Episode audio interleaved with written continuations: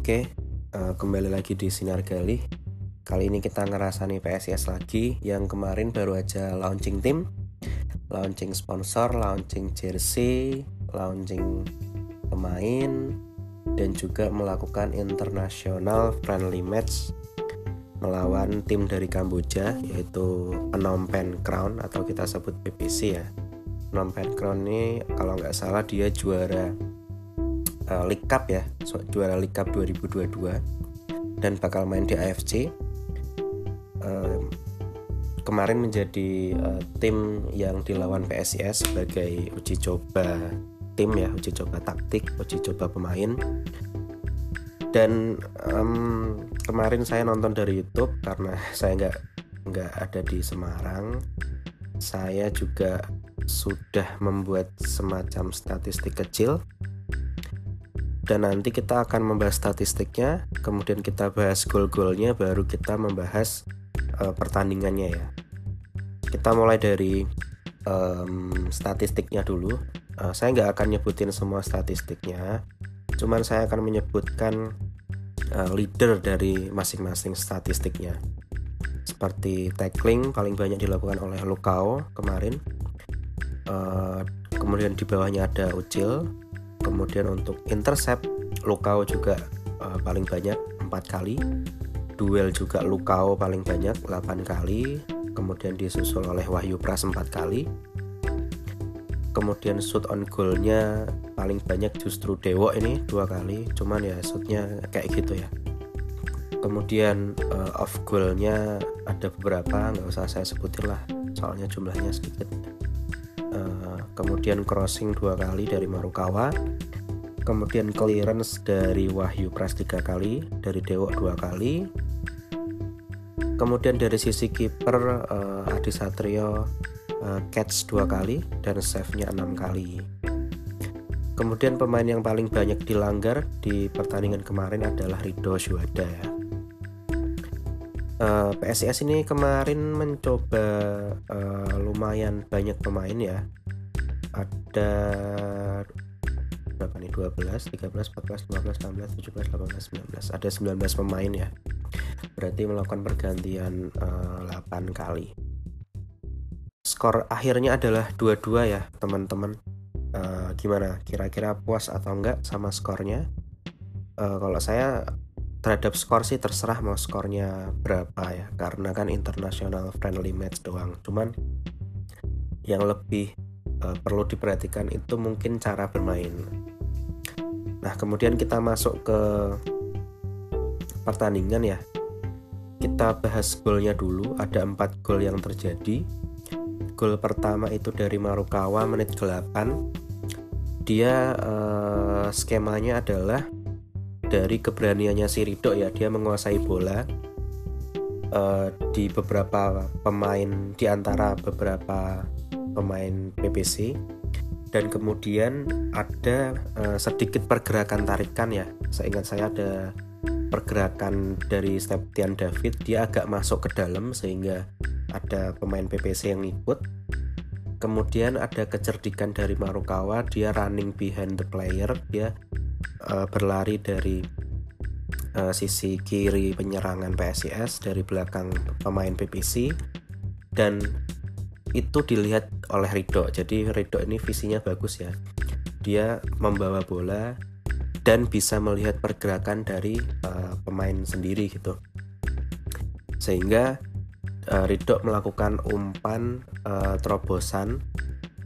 Dan bagusnya lagi umpan terobosannya dia menaruh bola di area belakang back lawan tapi bukan untuk Marukawa melebar tapi dia untuk uh, menginversi ya menusuk ke dalam kotak penalti dari PPC. Nah, uh, Marukawa dapat bola, ya seperti yang kita tahu lah dribblenya bagus. Kemudian dia berhasil uh, mencetak satu gol di menit ke-8.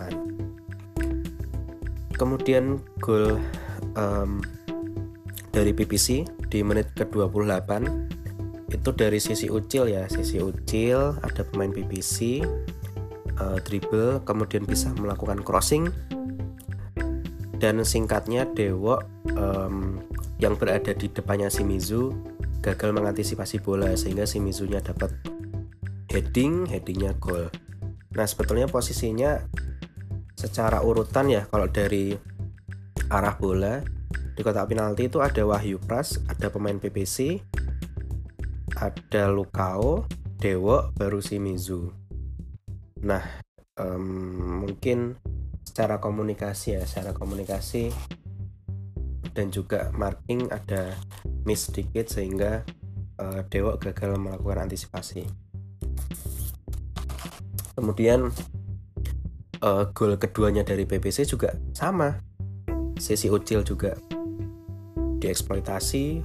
Ucilnya juga memang ngemarking aja ya.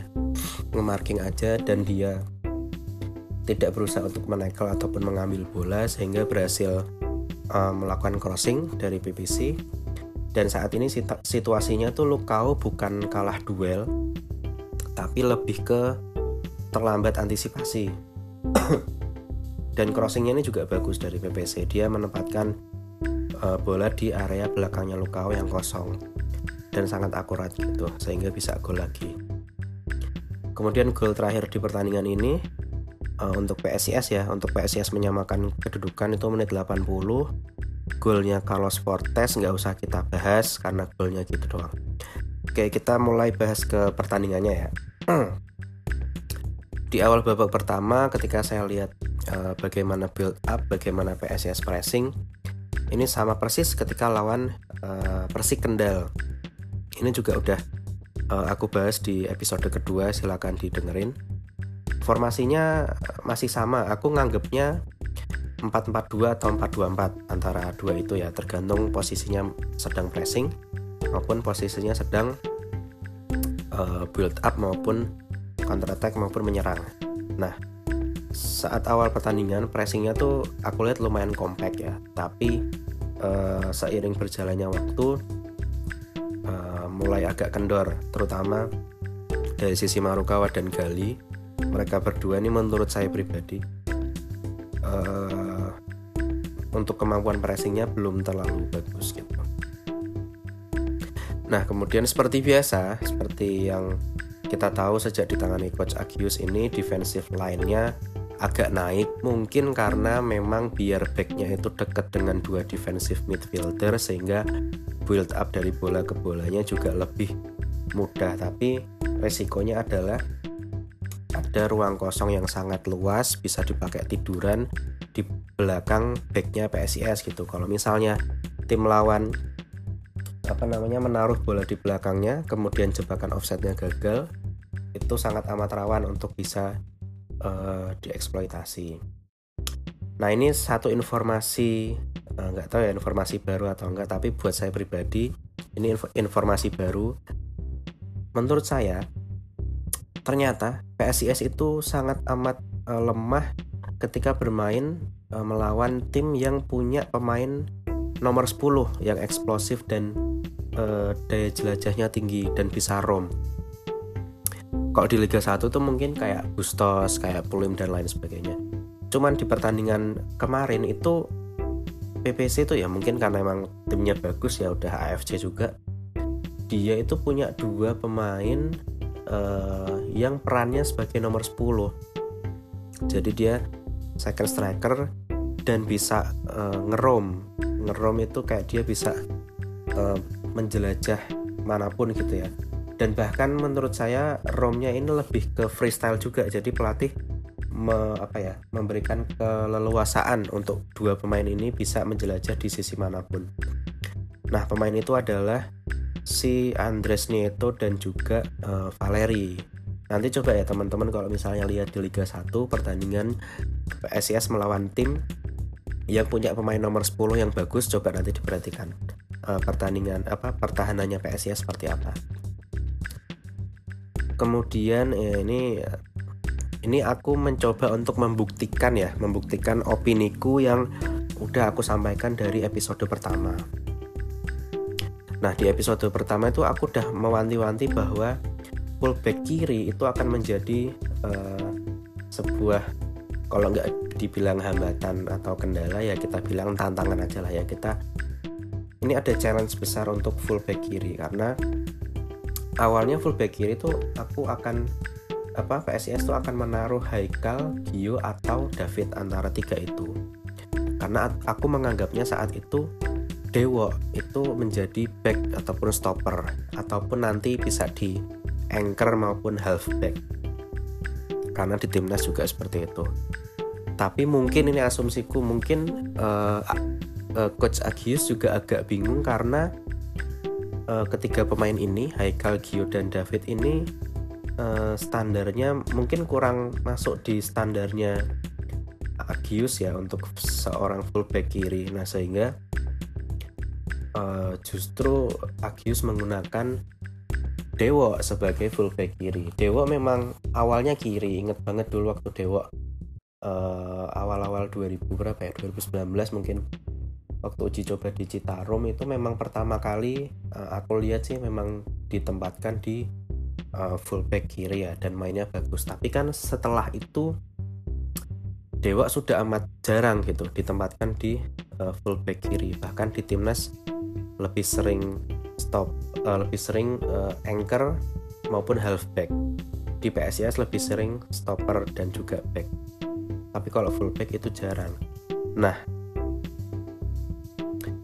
sehingga uh, mungkin perlu apa ya perlu refreshment ulang ya dari sisi dewoknya.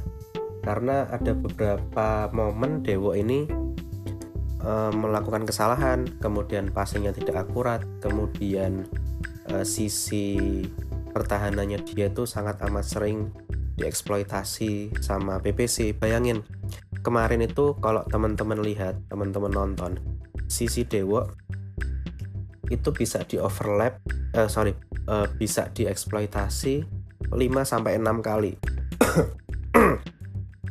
Penyebabnya utamanya adalah Dewo ini out of position. Bukan Dewo nggak bisa ngejar ya tapi uh, out of position. Jadi memang posisinya Dewo itu memungkinkan PPC untuk bisa mengeksploitasi. Itu sering banget. Nah ini masih menjadi PR nih masih menjadi PR untuk uh, eh, PSIS gitu. Untuk permasalahan fullback kiri ini akan seperti apa nantinya. Karena kalau misalnya nggak ada pemain yang diresmikan lagi untuk fullback kiri ya nanti malah meresmikan Usman Diara ya terserah aja. Tapi berarti ini akan menjadi tantangan gitu. Di Liga 1 setidaknya di putaran pertama fullback kiri ini akan menjadi tantangan lah untuk PSIS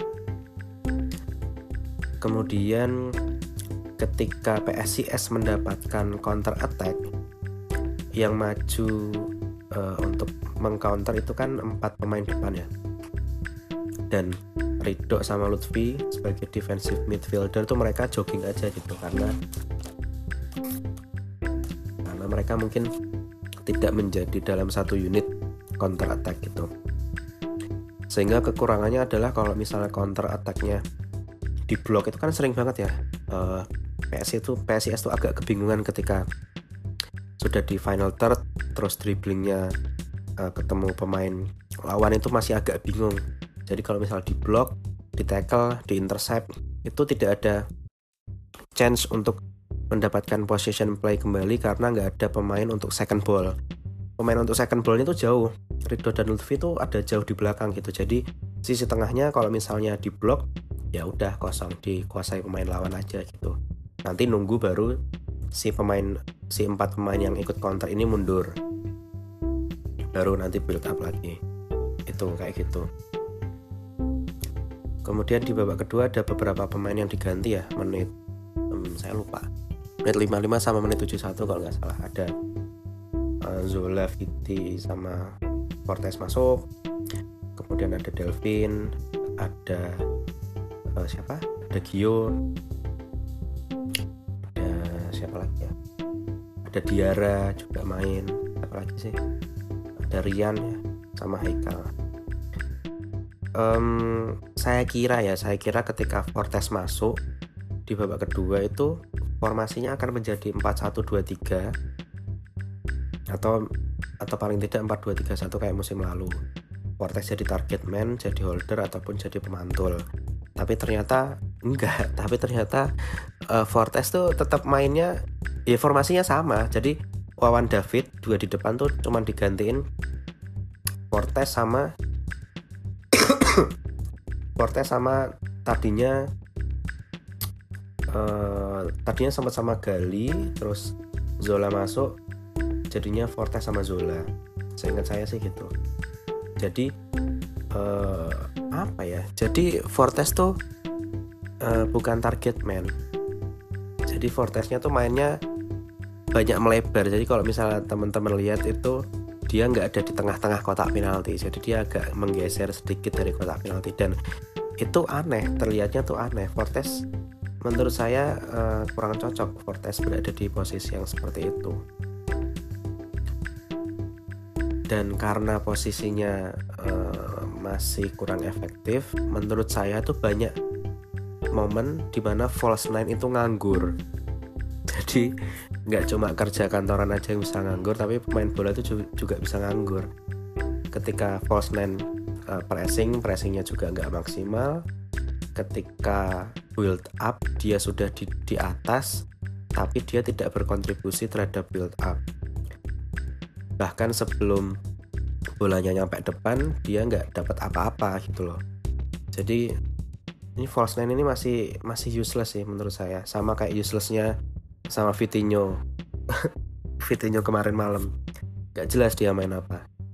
Agak kecewa sih begitupun sama Diara ya Diara masih mending lah daripada Vitinho masih perannya masih mending lah masih bisa menggantikan uh, Lutfi ataupun Rido saat itu masih oke okay lah tapi Vitinho dia pemain asing soalnya jadi aku mengharapkan sesuatu yang lebih dari Vitinho Mungkin seperti itu reviewnya. Gimana teman-teman? Apakah setuju atau enggak? Silakan kalau misalnya uh, ada saran-saran bisa uh, apa namanya bisa ketik ya di Q&A di bawah. Kalau misalnya bermanfaat silakan bagikan ke teman-teman yang mungkin udah nonton maupun belum nonton yang mungkin punya uh, pandangan yang kontra ataupun pandangan yang sama sama pandangan yang aku sampaikan. Sampai ketemu di pertandingan PSIS selanjutnya. Terima kasih.